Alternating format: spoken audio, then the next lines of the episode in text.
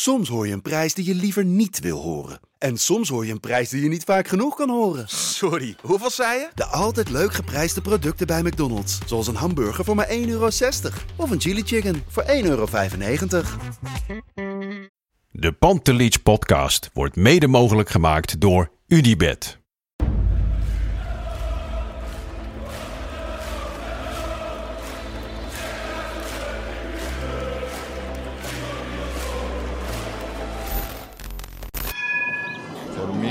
They can have just lot of goals, lot of fun, and some some other things. De Jong, slim gespeeld. Is dit de beslissing? Dit is de beslissing, denk ik.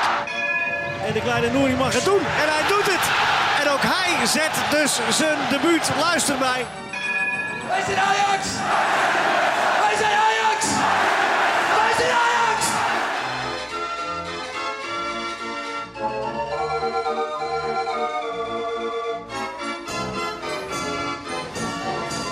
Ajaxiden, welkom bij aflevering 2 van de Pantelits podcast. We gaan het vandaag met jullie hebben over de wedstrijd, het middenveld van Ajax en jong Ajax. En we zullen het ook nog even hebben over de wedstrijd tegen Vitesse die aanstaande is en de transfers. Ik zit hier aan tafel met Wesley Stewart en Lars van Eijden. Lars, eh, wat zijn jouw goede voornemens voor deze uitzending? Nou ja, goede voornemens heb ik niet echt. Maar ik ben wel. ehm, ik wil eigenlijk uitzoeken. Ik werd vanochtend wakker. ehm, en dan ga ik de trein in het openbaar vervoer. Wat veel mensen natuurlijk eh, haten. Ik vind het altijd wel lekker. Want dan kan je even op je telefoon kan je even lezen. En vanochtend eh, stond er een interview met Edwin van der Sar in The Guardian. De Engelse krant. En eh, daarin zegt hij dat iedere supporter op elke club in de wereld Ajax als second love moet zien. Nou, dat vond ik een mooie uitspraak. Second Love. Eh, ja, daar leg ik natuurlijk de link, de link met de app. ik ook, Eh, ja. ik denk niet... eh, nou ja, Wesley, jij bent net getrouwd. Jij zal nog niet in het stadion van Second Love zitten. Nou, dat weet je niet. Heb jij je al aangemeld, Chris? Nee, nog- Second Love? Nee, niet. Nee. Nee. Nou ja, mijn doel van deze aflevering is gewoon een beetje uitzoeken van waarom, waarom is Ajax dan die second love? Waarom zouden mensen dat moeten zien als second love? Dus laten we daar helemaal aan het einde op Ja, dat is- terugkomen. Dat is een grote vraag, maar we moeten het natuurlijk eerst hebben over de wedstrijd van afgelopen zondag. Ja. Jij Lars, jij zat al in de wedstrijdeditie met Bart. Ja. Eh, was goed om te horen, vond Wil je ik. mijn doel niet weten? Ja, wat is jouw doel? Ja, dat dacht ik. Ja, mijn doel van, van vandaag is hopelijk eruit komen dat wij nu wel los zijn als Ajax zijnde. Hopelijk komen we met z'n drie op één lijn en komen we tot de conclusie dat Ajax nu gewoon los is. Nou, dat is ook een interessante. Ik ben benieuwd. Dat hangt allemaal samen natuurlijk met de wedstrijd van afgelopen zondag. Ja. Die eh, Lars al had besproken met Bart. Wat, wat Ja. vond jij van die wedstrijd, eh Res? Wat is je Ehm, gevoel wat je eraan over hebt gehouden? Makkelijk. Kort in het bakje wel. Ja. Ehm, ja.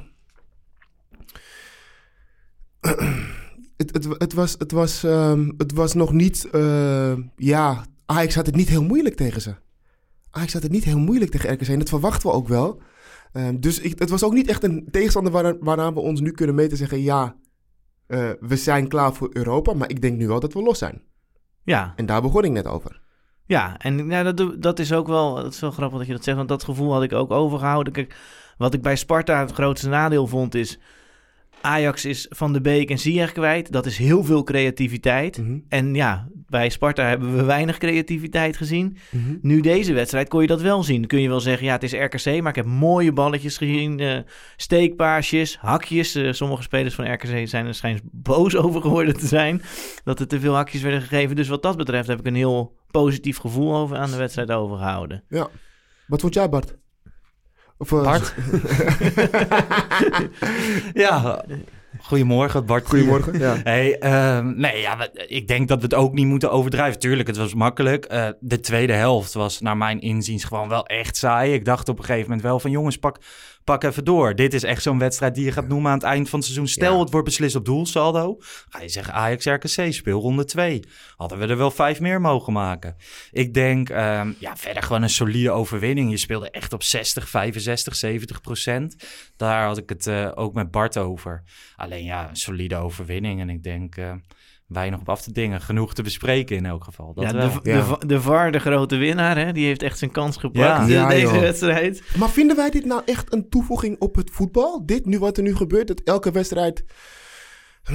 Nou, zo ik, vaak de VAR. ik wel, ik wel. Kijk, de VAR moet het eerlijker maken. Nou, dat vind ik bij hele belangrijke momenten, vind ik dat, dat belangrijk. Je kunt Mhm. niet, waar het- de belangen zo groot zijn in het voetbal, kun je niet zomaar zeggen, ja, we, we hebben het af en toe goed en af en toe fout. En, en de techniek is er. Nou, dan moet je bij de belangrijkste momenten moet je terugkijken. Ja, en de toeval wilde dat er in deze wedstrijd eh, meerdere punten van discussie waren. Noem Ja. er eens eentje op. Nou, we hebben de, de hensbal gehad. Mhm. en Ehm, dan zullen we die meteen beoordelen, de hensbal? ja, nou dat vond ik, want ja, als we het daar toch over hebben, hè, ik zit hier ook als eh, jurist aan tafel. Ja, precies. Jij bent de man van de regeltjes. Ja, precies. Ik lees de dingen die niemand, die niemand wil lezen. nee. Nou, een hensbal, en dat, is, dat zie ik toch zo vaak in het spraakgebruik verkeerd gaan. Mhm. Een, een hensbal moet in Mhm. principe opzettelijk zijn. Dat is het uitgangspunt. Oké. Maar er, er zijn uitzonderingen. Bijvoorbeeld als je scoort met je hand, ook al doe je dat per ongeluk. Dan eh, is het ook gewoon hands. Of als je iemand in een scoringspositie brengt. En een Mhm. andere uitzondering is als je ehm, op een onnatuurlijke wijze ehm, je lichaam groter maakt. Ja, en dat is natuurlijk wat de verdediger van de RKC deed. Dus ik, Vind je dat echt? ja, vind ik toch wel. Eerst, ik heb heel lang getwijfeld, moet ik heel eerlijk zeggen. Ik denk namelijk dat zelfs Ajax-supporters die wel met een, met, een, met, een, met, een, met een open blik dit kunnen beoordelen, ook zullen zeggen, "Nou, ik vond niet echt dat hij zich groot maakte. Nou ja, Nee, hij, man. maar hij gaat, Nu, nu misschien tegen RKC, omdat je ook heel makkelijk wint. Maar gebeurt dit tegen, tegen een topploeg of in een wedstrijd waarin je het lastig hebt... dan hadden we nu schade en schande gesproken over deze beslissing. Ja, Want en, en- inderdaad, hij, hij doet zijn handen netjes Ja. achter zijn rug. Nou, maar maar hij springt er vervolgens toe. wel Ja. naartoe. En Ja. dan komt hij tegen zijn arm. En anders ging hij er gewoon 100% in. ja, en dat... Kijk, en- en, Ja? dat, dat vind ik een interessant punt. Ik vind Ja. dat misschien nog wel belangrijker. Ik vind dat eigenlijk, eh, ik vind het, ja, het klinkt misschien juridisch gaat het niet kloppen voor jou, maar ik vind het geen hensbal. Maar omdat die bal op zijn hand komt en daarom de bal niet tussen de palen terechtkomt, vind ik het weer wel een hen- ja, nou, hensbal. da- dat is, eh, je, je, ja, jij zegt, ja, juridisch vind je het niet kloppen. Maar ik vind dat de regel gewijzigd moet worden. Want waarom mag je niet, als je per ongeluk met je hand scoort, wordt het toch hands? Maar als je hem per ongeluk uit het doel haalt, dan zit daar geen consequentie aan. Ik vind dat dat veranderd moet worden, die regel. Je zou zeg maar, voor, dat, voor deze gevallen, ja, oh, als je... Als je hem er per ongeluk uit had, en dan vind ik niet dat hij rood moet krijgen. Maar de- als deze man zeg Mhm. maar, zijn armen dichter bij zijn lichaam had. of niet door de, naartoe bewoog. dan had Ajax gescoord. Ja, dan moeten ze een penalty krijgen. Dan Ja. hoeft hij geen rood nog Ja. erbij te krijgen. Maar jij zei ook, ik had geroepen in de wedstrijdeditie volgens mij van, nou ja, volgens mij is het dan een penalty en rood. Toen appte jij mij vrij snel van, nou ja, prima podcast, maar het is dan geen rode kaart, want dan zit je met die triple punishment ja, regel, precies. toch? In 2016 is dat gewijzigd. Dus dat is dan niet omdat ze dan te veel vinden. als het een overtreding onopzettelijk is. dat je dan en rood en een penalty. ja, dan ben je gelijk klaar. Dus dat willen ze niet. Oké, wat was het volgende moment? Nou, die doorgebroken speler vond ik dat Nijhuis het eh, goed heeft gedaan. Eigenlijk wel. Alleen, ik weet zeker dat als Nijhuis gewoon, zeg maar... als hij niet was teruggeroepen door de VAR... en hij- ze hadden na de wedstrijd gevraagd... dan had hij gezegd, ja, maar die andere verdediger kon er nog bij... of wat dan ook. Maar eh, nu ik het terugzag... Kijk, toen ik het de eerste keer zag... zie je eigenlijk twee verdedigers tegelijk bij die aanvallen komen. Maar nu zag ik toch dat eigenlijk was die al... was Labiat al... was alleen Ja. nog die laatste Ja. over... Dus dan, ja, ik, ik snap het wel dat het rood is. En het derde was dat doelpunt. En ik vond Het het, eerste doelpunt dat de Ajax maakte. ja, ik denk het tweede doelpunt. Het stond Nee, toen dan- 1-0. Oh ja, dat Martinez die Ja, overtreding maakt. maakte Ja. Ja, Martinez... die- maakt die overtreding daar, het kwam uiteindelijk een goal. Ja. ja, het was een overtreding. Ja. Eh, volgens mij heeft Nijhuis hem gezien en liet hij hem doorgaan. maar ehm, ja, eh, dat is natuurlijk wel raar. Ajax heeft het meegehad vorig jaar. Volgens mij was dat tegen Heerenveen. Toen was er een, een ja, zag eruit als een zuivere goal. En opeens werd hij alsnog Mhm. afgekeurd omdat er helemaal veel eerder een overtreding was. Ja, de, de tijd ertussen is wel heel lang, zeg maar. Wa- Wat vind jij, Lars? Vind jij, vond jij die, die tweede goal, vond je die terecht? Gewoon even... Nou ja, gewoon. Het, het is inderdaad wat Chris zegt. Het is een overtreding. Maar ik denk dat Nijenhuis had het ten alle tijden door laten gaan. Ehm, ja, we hoorden hier ook op de F zelfkikker redactie dat, eh, Bas Nijhuis niet helemaal blij was na de Nee, wedstrijd, ja, toch? de, de kritische kijkers die kunnen zien dat Bas Nijhuis niet op de wedstrijdformulieren verschijnt dit eh, Voor weekend. aankomend... eh, ja, hij fluit niet in de Eredivisie en niet in de K- K- KKD. Oké. Dus dat is opvallend. Ja, dus daar is misschien Zeker. iets gebeurd. En ik, ja, Ah, die gozer die is natuurlijk heel vaak naar de zijlijn geroepen. Je had ook nog die buitenspelgoal met de lijntjes op een gegeven Ja. moment... dat al die lijntjes werden gelegd. Hij is een scheidsrechter die veel laat Maar doorvoetballen. dat is, dat is iets wat ik altijd heel opvallend vind. Want Bas heeft wel zijn eigen manier van fluiten. Ja. En het staat best wel haaks op wat de rest van de scheidsrechters doet. Hij laat best wel veel doorgaan. ja, Dat is best wel ver- ook verwarrend voor voetballers, lijkt mij. Want als je in een wedstrijd zit met deze scheidsrechter, weet je, oh, ik mag wel tot het randje gaan. En de week daarna, of alle andere wedstrijden, is het eigenlijk niet eens het randje benaderen. nee.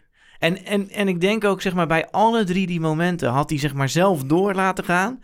Maar je wordt toch wordt je ter verantwoording Precies. geroepen. En dan, Ja. en dan toch. En ik denk. Maar die Bas Nijhuis is helemaal uit zijn pan gegaan. Dat kan niet anders. Ja. En dan aankomend weekend staat hij er niet op. De KNVB doet dat niet met, eh, zonder reden. Want het is natuurlijk wel een van de betere scheidsrechters die Nederland heeft. Ja. Tussen, tussen haakjes en wat je ook van hem vindt en van zijn stijl. Maar je kan ervan uitgaan dat daar echt wel wat is gebeurd... als die aankomend weekend niet fluit. ja, dat Of- denk ik ook. Of hij heeft een of ander evenement met zijn bakkerij of zo. Dat kan ook. Die is, Ja, dat die is verkocht volgens mij, hoorde Ja? ik laatst. Ja, verkocht? ik hoorde laatst dat hij verkocht was. Kijk, maar goed. nieuws. Nou, we jou toch horen, Res. We hebben, we hebben een paar keer geoefend voor deze podcast. En jij had het alleen maar over Kudus. Klopt. Nou, en eh, wij wisten het toen nog niet, Lars. Maar nu weten we het wel. Ja, Ja, fantastisch gevoetbald. Maar, maar we hoeven toch helemaal niet... het- ik bedoel, ik ben geen genie. Ik bedoel, eh, zelfs mijn zoon van zes ziet dat Kudus heel goed kan voetballen. Dus eigenlijk is dat geen nieuws. Want we zagen het al in de voorbereiding. Hoe die jongen de bal aannam. Hoe hij bewoog op het veld. Hoe hij eh, spelers inspeelde. Dat hij de bal kwam vragen. Terwijl er gewoon een man in zijn rug was. In de dekking. Toen zag je al, dit is wel een hele goede voetballer hoor. M- Maar vorig jaar bij Noordjylland heeft hij maar één keer verdedigende middenvelder gestaan. Voor de Mhm. rest stond hij op 10. Of hij heeft ook een aantal wedstrijden als rechtsbuiten gespeeld. Mhm. Staat hij goed?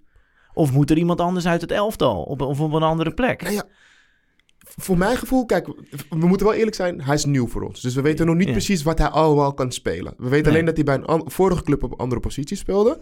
Maar als we gewoon kijken naar wat hij nu bij Ajax heeft laten zien, op die positie, dan zou ik zeggen, dan heeft hij zijn plek gevonden. Ja, Maar je, je zal altijd zien, gaandeweg het seizoen, gaan, we, gaan, gaan de spelers wegvallen vanwege blessures eh, of, of wat voor reden dan ook. Misschien dat de trainer hem op een andere positie ook wel nodig gaat hebben. En dat we dan zien van, hé, hey, die jongen kan op middenpositie uit de voeten. Ja want we hebben nu... we- zondag was Gravenberger niet. Die, Ja. eh, Griep had hij, zo? Ja, en dan, dan speelde Kudus op de plaats van Gravenberg. Nou, we kunnen ervan uitgaan dat zaterdagavond... dat, er, dat ze er dan alle drie zijn. Mhm. Wie moet er dan weg? We hebben vorige uitzendingen heb ik hier over Alvarez eh, niet super positieve Nou ja, dingen gehoord. We- Weet jij nog dat wij de vorige uitzending hebben gesproken over het feit dat ik vond dat Gravenberg nog niet... ehm, Ja, hè? Ik, Ja. Hij me nog niet overtuigd. En dat ik zei, nou geef Kudus een kans. Wat vind jij nu? ja, als ik helemaal zelf mag kiezen, zou ik met Gravenberg en Kudus spelen.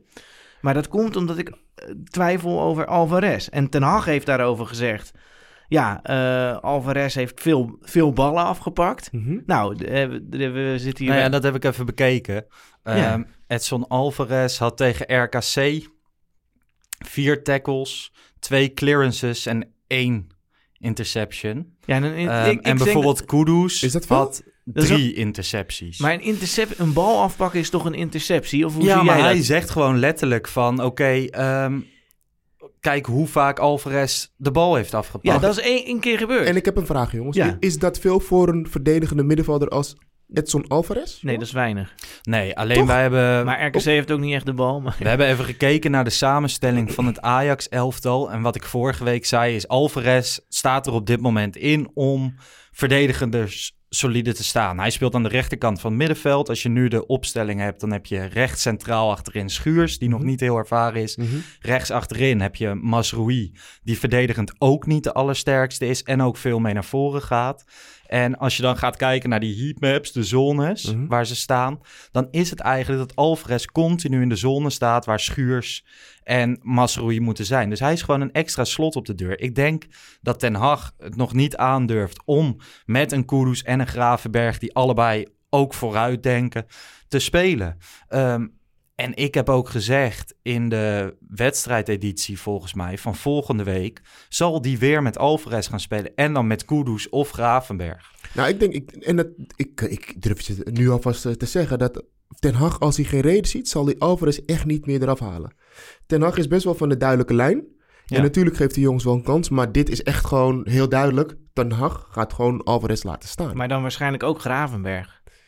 Ja, ja, ja. En dat is het precies. Dat is, dat, dat is het hele leuke ding waar wij nu over moeten praten. En dat is dat als, als we Ten Hag volgen zoals hij is, dan gaat Gravenweg weer spelen. Maar ja, als we kijken nu naar Kudus, de laatste wedstrijd, dan zou je zeggen, ja, die jongen heeft nu echt wel laten zien dat hij al gewoon klaar is voor nog een keer 90 minuten. Zeker. Ja. Alleen Gravenberg, die denkt, Toch? die is echt toe aan, eh, aan spelen. Die verwacht ook een beetje dat hij speelt. En Kudus, als je die nu op de bank zet, die gaat gewoon zitten. Die denkt van mijn kansen komen wel. Dat denk ik. Alleen we hebben het ook even op Twitter gevraagd. Van wat zien Ja. jullie nou als ideaal koppeltje op het middenveld? En dan is het echt 73% Kudus Gravenberg.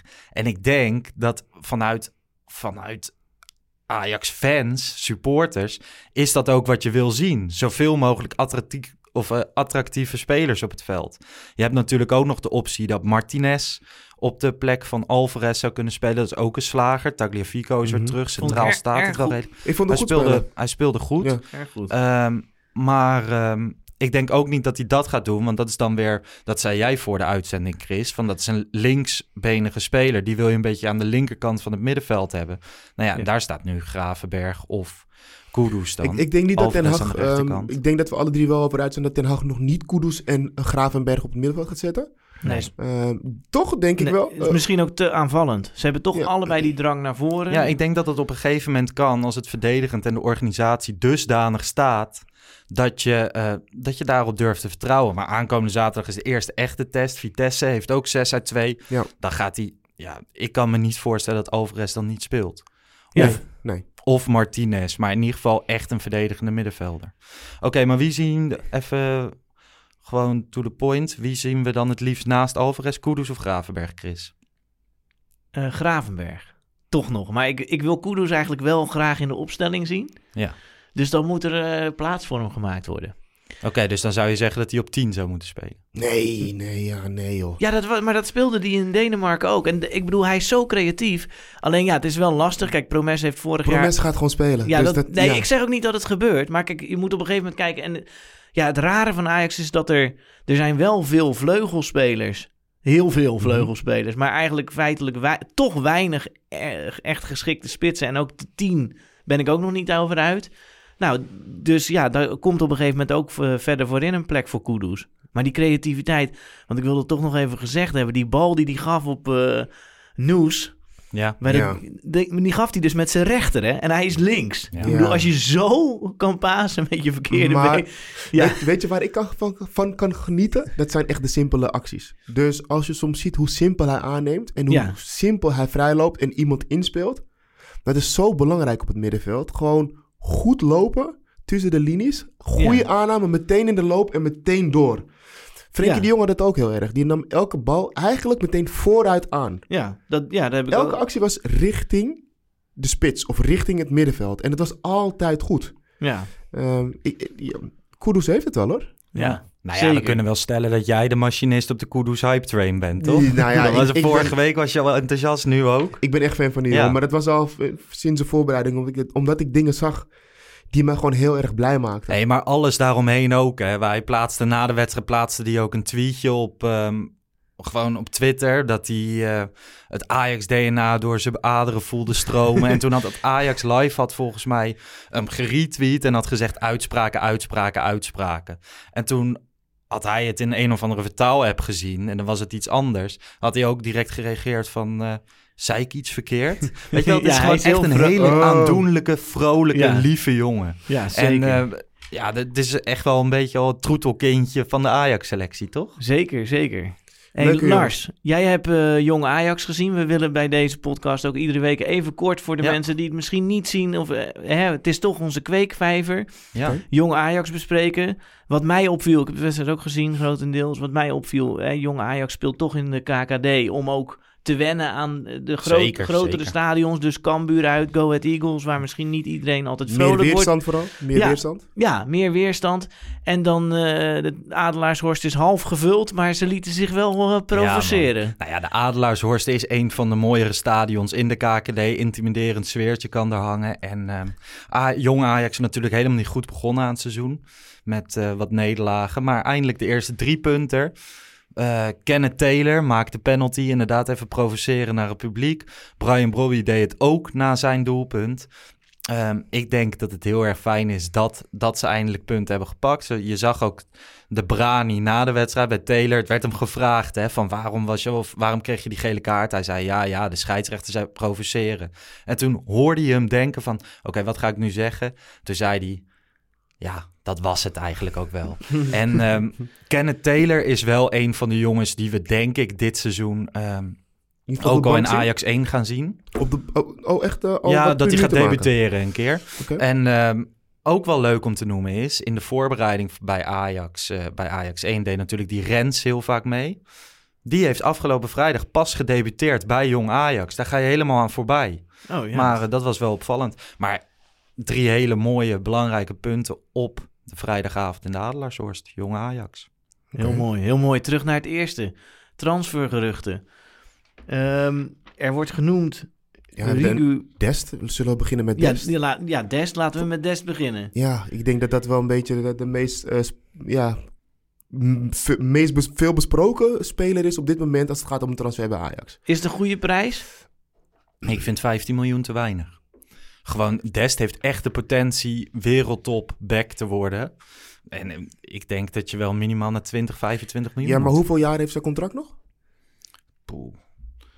Dan ga je me vragen om alle contracten uit mijn hoofd te kennen. ja, ik ga nog het een, ik denk nog een jaar. Maar kijk, wat, wat ik al- hij, is, hij gaat de duurste rechtsback uit de Eredivisie worden als hij voor 20 gaat. Ja. En, hij, en ik bedoel, hij komt van de bank, hè? ik heb een, eh, een goede vriend van me, is Bayern München fan. Ik, ik appte hem van, eh, nou, hij zit bij Ajax tegen het eerste aan, dus hij moet het bij jullie wel aankunnen.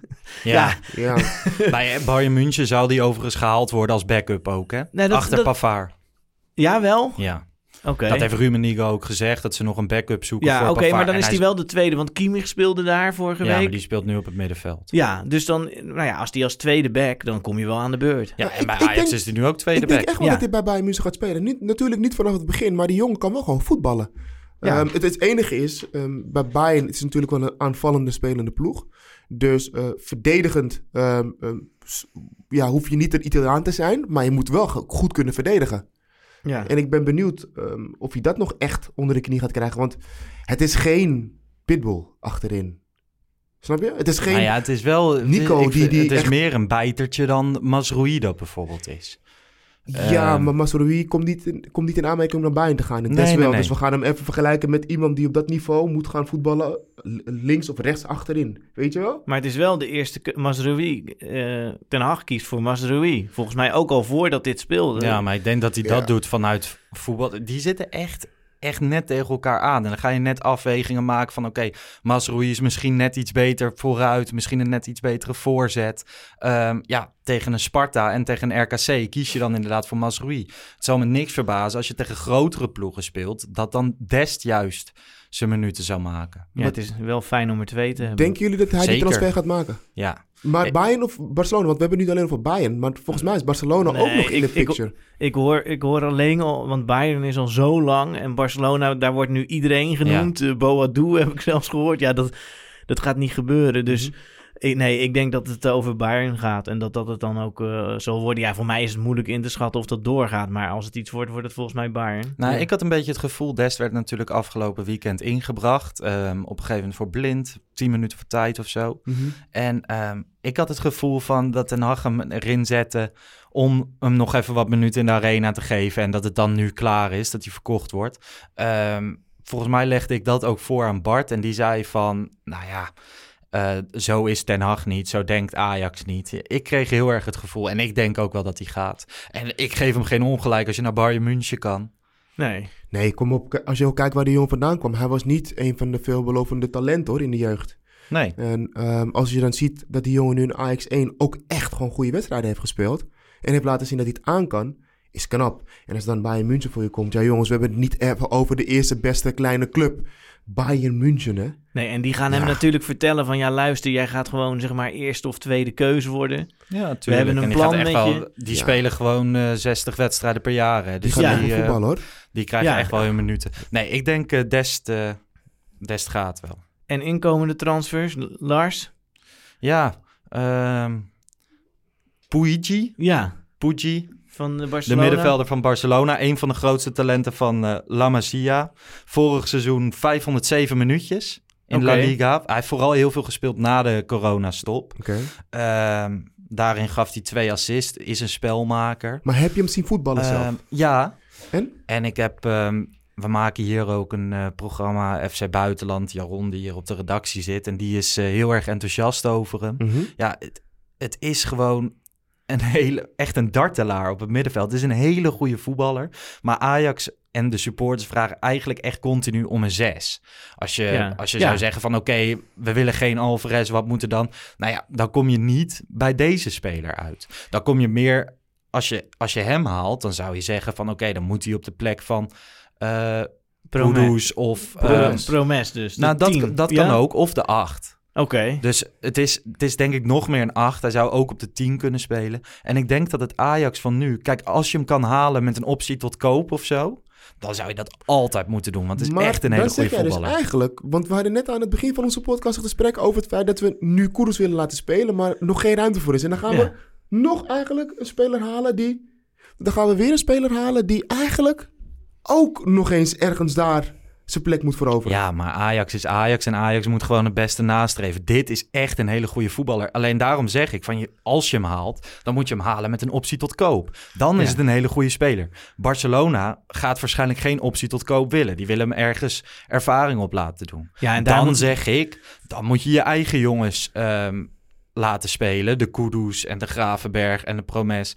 Ja. Ehm, dus ik denk ook niet dat deze transfer van de grond gaat komen. Want Ajax is dusdanig ver dat, Ja. ze, dat ze zeggen... wij gaan geen spelers meer huren. Nee. We gaan Nee. ze hem niet klaarstomen voor Barcelona. Want Barcelona, als we jou tegenkomen in de Champions League... gaan we er alles aan doen om voor een stunt te zorgen. Ja. Ja. ja, en ook eh, niet zulke goede ervaring in het verleden Nee. met spelers van Barcelona. Wat hadden we? Bojan? Ja, Ja, Bojan. en Bojan? Oleguer. Oleguer? Die, en die andere buitenspeler nog? Die, die echte prutser die altijd geblesseerd was? eh, nou, die moet je melden. Cuenca. Ja. Ja, Oh, ja. kan je nagaan. D- d- die ben ik al vergeten, ja, precies. Ja. Ja. die is denk ik iedereen al vergeten. Ja, nee, dat klopt. Jongens, za- zaterdagavond, Vitesse. Eh, grappig detail aan deze wedstrijd is dat Ajax tegen Bazoer gaat voetballen. En Bazoer, die gaat waarschijnlijk centraal achterin spelen. Ja. In 2012 zat uh, Bazoer in de, in de jeugdopleiding van PSV. Ja. En die eh, vonden dat hij een centrale verdediger was. En eh, Ajax zei, nou kom maar bij ons, dan kan je gewoon op het middenveld eh, blijven Ja. spelen in de jeugd. Nou, nu is hij een centrale verdediger en hij zit niet meer bij Ajax en niet meer bij PSV. Mhm. Wat, eh, wat verwachten we van zaterdag tegen Vitesse? Eindelijk een, een, een echte tegenstander? Lekker dat je dat zegt, want Ja. dat is, zo is het wel. Zaterdag is wel echt een eer- eerste test. Ja. Ja. Tegen een tegenstander van Eredivisie formaat. Dus dat we zeggen, oké, nou nu kunnen we even echt laten zien ehm, ja, hoe ver we zijn als team zijn. Ja, er moet echt wel een, eh, een stapje bij ten opzichte van de vorige twee wedstrijden. Vitesse thuis heb je de afgelopen jaren ook wel eens punten verloren. We hadden Ja. het vorige week over die bekerwedstrijd ooit in 2011 of 2012 waar ze de 4-0 afgingen. Je hebt nog een keer gehad eh, dat ze het echt heel erg lastig hadden. Eh, ik, ben, ik ben echt heel erg benieuwd. Ik heb er ook echt zin in. Ik bedoel, zoals tegen RKC zondag kwart voor vijf, daar ga je toch, ik, ja, je gaat ervoor zitten en je hebt er ook wel zin in. Maar je gaat ervan uit van, oké, dit is kat in bakkie. Zaterdag ga je weer een klein beetje die spanning voelen, Ja. denk ik. Ja. Ja. Plus het is 's avonds. eh, voor mij geldt dan lekker biertje erbij en eh, Ja. wat vrienden op de bank. Ja.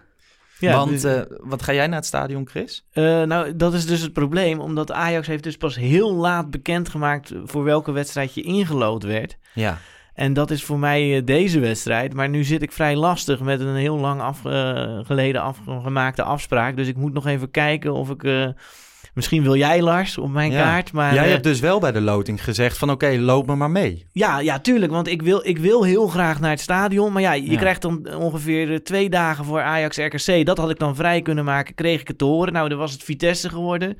Ja, Ja. dat is gewoon, dat was, vond ik Een onhandig. groter Maar we- percentage we- heeft gezegd van niet. Hè? Ik dat net niet zeggen, willen. want Ja. we hebben het nu over het feit dat jij dus naar die wedstrijd gaat en jij maakt gebruik van die optie. Nee, ja, ik, ga, ik kan dus zaterdag heel moeilijk, maar ik wil, ik wil heel graag maar laat weer- het zo zeggen, jij Ja. maakt gebruik van die optie Ja. om in ieder geval naar de wedstrijd te gaan. Zeker. Dan eh, wil ik nog twee dingen met jullie bespreken. Mhm. Als laatste gaan we de voorspellingen doen. Maar daarvoor natuurlijk de second love. Daar zouden we op terugkomen. Ja. Waar is Ajax? Hè? We hebben nu weer een wedstrijd gezien. Hoe, waarom zou Ajax de second love van de rest van de wereld moeten zijn? Zo, ik zou Ajax trouwens wel gewoon naar rechts swipen hoor. Zo'n hartje geven. Ja. Als, je dit, als je hem tegenkomt in de, in de Ajax-app. Of in de Tinder-app of de Second Love-app. Nee, maar we, Ajax is toch de second... Ze willen dat het de Second Love is door, ehm, doordat zij altijd met die jeugd spelen. Ja. En de- die, dat ze die opleiden en dat ze die spelers ook tegen het juiste bedrag vrij gemakkelijk laten gaan. Ik bedoel, als ze een volgende stap moeten zetten, zoals Donny nu naar Manchester United, die direct een goal maakt. Wat is het die jongen gegund? Ehm, daarmee willen zij de second love worden. Die kleine, jonge jongens die het wel even flikken in Europa. En voor me, En waarmee nog meer, denk jij? ehm, nou ja, met hun hele uitstraling. Ja, hè? Ja. Met, met van, nou ja, Precies. wereld, hier zijn we. ja, dat gevoel heb ik dus ook. En ook wel een duidelijke boodschap naar alle andere grote clubs die zoveel budgetten hebben. Dat het ook anders kan. Maar dat is een eigenlijk, duidelijk gra- beleid. eigenlijk grappig. Want Ajax heeft dan in Europa een tegengestelde rol van in de eredivisie. Want in de eredivisie is ja, Ajax, eh, hè, arrogant gezegd, we staan boven de rest. En dan ko- komen we in Europa en dan zeggen we, kijk ons dus gaan. Klein duimpje met allemaal jeugdspelers tegen de grootmacht. Ja, maar het toffe is dat in de eredivisie is Ajax inderdaad de grote jongen. Maar dan heb je wat Calimero's eronder. Die allemaal zeggen van ja, maar Ajax heeft zoveel geld. En Ajax dit en Ajax dat. En altijd geluk met de KNVB. En Ajax doet in Europa eigenlijk het tegenovergestelde. Die zeggen gewoon van fuck it, wij hebben minder geld. Wij gaan het anders doen. Maar we Hier gebruiken zijn we. het Wij- beter. We hebben de jeugd, we doen het inderdaad slimmer. Je kan spelers bij ons kopen als ze rijp zijn. Laat je spelers naar ons komen, dan worden ze beduidend beter. Een hele andere instelling. En die, die tour is natuurlijk een paar jaar geleden ingezet. Toen Overmars kwam en toen Van der Sar kwam. Maar ook toen het hele Maar social was- media was- team kwam. Kijk, dat vind ik twee aparte dingen. Social media zeg ik ja, dat is van de laatste tijd. Maar dat andere, dat is toch al, zeg maar... Nou, kijk, dat second Het is weg geweest. het- Ja, ja, het- nee, maar zeg maar de jeugd, dat je als jeugdspeler, zeg maar, ik bedoel, ze, ze hebben al 30 jaar in Europa door. Ja, als jeugdspeler zit je wel bij Ajax wel goed.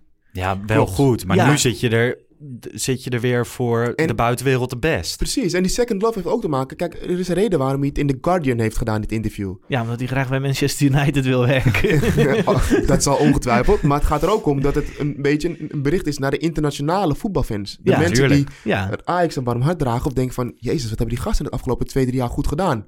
Ja. Daar gaat het ook Maar, om. maar moeten we dat willen? Is Ajax niet gewoon de club van eh, Amsterdammers, de Nederlanders... die Nou. hier op de tribune zitten in plaats van iemand die eh, Nee, in eh, China een trainingspak Tuurlijk willen we dit. dit is, Ajax, Ajax wil toch, je wilt toch internationaal ook groeien? Op een gegeven moment is er een, is er een, een max aan je groei. En dan ga je kijken naar waarin kunnen we verder gaan groeien. Dus ik vind dit wel een hele logische stap. Maar daarin heb je wel ehm, gradaties. Want de- ik vind het op voetballend vlak. En dan we, je opent de fanshop in New York. En de samenwerkingsverbanden in China. Dat vind ik allemaal super tof. Mhm. Je moet blijven groeien. Maar ja, aan de andere kant moet je ook waken dat je de Nederlandse fans niet, niet verliest tussen haakjes. Want ze hebben nu bijvoorbeeld die David de Host op die YouTube Mhm. gezet. Ze hebben hun podcast die ze hadden, hebben ze van Nederlandstalig naar Engelstalig gedaan. Waar ook niet heel veel Nederlanders fan van zijn. Dat is Mhm. gewoon een bepaalde strategie waar ze voor kiezen. Ik heb ook wel eens het idee van, ja jongens, ik volg, ik volg de social media al, al jaren. Maar nu gaan we opeens alles in het Engels doen. Mhm. En, en waarom? En ik bedoel, ik kan het dan wel volgen, maar je hebt ook heel veel jonge jochies. Ja, wa- hoe moeten die verliefd worden op eh, Ajax dan? Ja, Die snappen Engels geen eens. Nou, ik vind dat wel een goed punt. Dat, zeg, dat, dat meen ik. Eh, want ik geef net aan dat het gewoon internationaal is. Het gewoon goed als je daarin ook eh, Ja. stappen kunt maken. Ehm, maar ik, denk- dat heeft gewoon... Waarschijnlijk moeten ze dat nog gaan verbeteren. Dus moeten ze gaan evalueren en nadenken over hoe ze dat dan wel kunnen doen. Zodat ze nog wel steeds in verbinding blijven met echt de kern. En dat zijn gewoon de Nederlandse fans. Maar ehm, laat het zo zeggen, Ajax is op de goede weg. Ehm, maar is zeker... eh, Is het al een eh, second love voor de rest van de wereld? Ik denk het wel. Ik denk dat heel veel mensen in het buitenland nu al denken van... oh, dat Ajax is wel een tof Nee, club. dat is, dat denk dat is ik- altijd ja, al geweest, zeker. maar het is Ja, maar- wel een tijdje... want jij zei net, Chris, dat was vroeger ook zo. En tuurlijk in de jaren 70, 80, 90... begin jaren 1000 ook nog wel met Van der Vaart, Snijder. Maar toen is er toch echt een 15 à 10 jaar geweest... waarvan je dacht van, nou ja, de- is dit Ajax nog wel... Ja, oké, maar je moet je voor. Ik heb zelf alleen in, in het buitenland, alleen in Engeland gewoond, twee Ja. keer.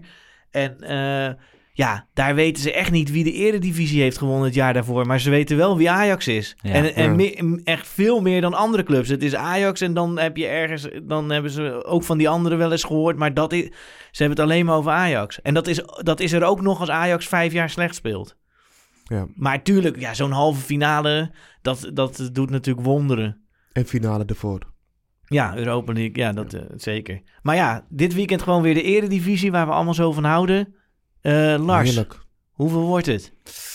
Ja, ik zei afgelopen week was ik heel optimistisch met 5-0, makkelijk. Nou ja, dat 5-0 kunnen en moeten worden. Het werd geen 5-0. Nu denk ik, ehm, nu denk ik eigenlijk weer dat het, het wordt de eerste test. Maar ik denk dat Ajax hem gaat eh, overleven. Ik denk dat het weer 3-0 wordt. En jij, Res? 4-3-1 voor Ajax. Ik, eh, ik denk dat het 1-0 wordt en dat Tanane rood krijgt. Ja? Tanane een rode kaart. Ja, Waarom? een rode kaart. Ja, nou, dat is een, is een driftkikker en hij heeft nu een hele mooie goal gemaakt. En dan Ja. gaat hij weer in zichzelf geloven. En dan wordt hij misschien boos. Oké. Maar Bazoer is ook wel eh, regelmatig van de kaart. Ze hebben wel een paar jongens bij Vitesse die... eh Kort die- lontje. Zeker. Ja, Bero die... Je kan er ook wat van, ja. ja. Hey, tot, tot slot, eh, Mhm. is je zoontje al fan van Pantelic? Ja, ja, Ja? het shirt eh, was, is echt eh, in dank eh, ja, ontvangen. En hij vindt het geweldig. Dus dat shirt is, eh, dit, dat gaat goed komen. Heeft hij ook al een goaltje van Pantelic nou, we hebben in de ochtend wat filmpjes gekeken van Pantelic. en eh, nu denkt hij, ja, ben ik ook. Wilde hij al hetzelfde kapsel? Nee, nee, nee. nee, Gaan we, dat gaat het hem niet worden. Oké. Ajaxide, bedankt voor het luisteren. Ja, laat nog even je feedback achter. Ehm, dat kan op de Apple iTunes app of het kan op Twitter of Instagram. Daar kan je ons beide vinden op uh, Podcast. En dan eh, hopen we dat het weer een mooie week wordt voor ons eh, aller Ajax. We spreken elkaar snel weer. Mazzel. Mazzel.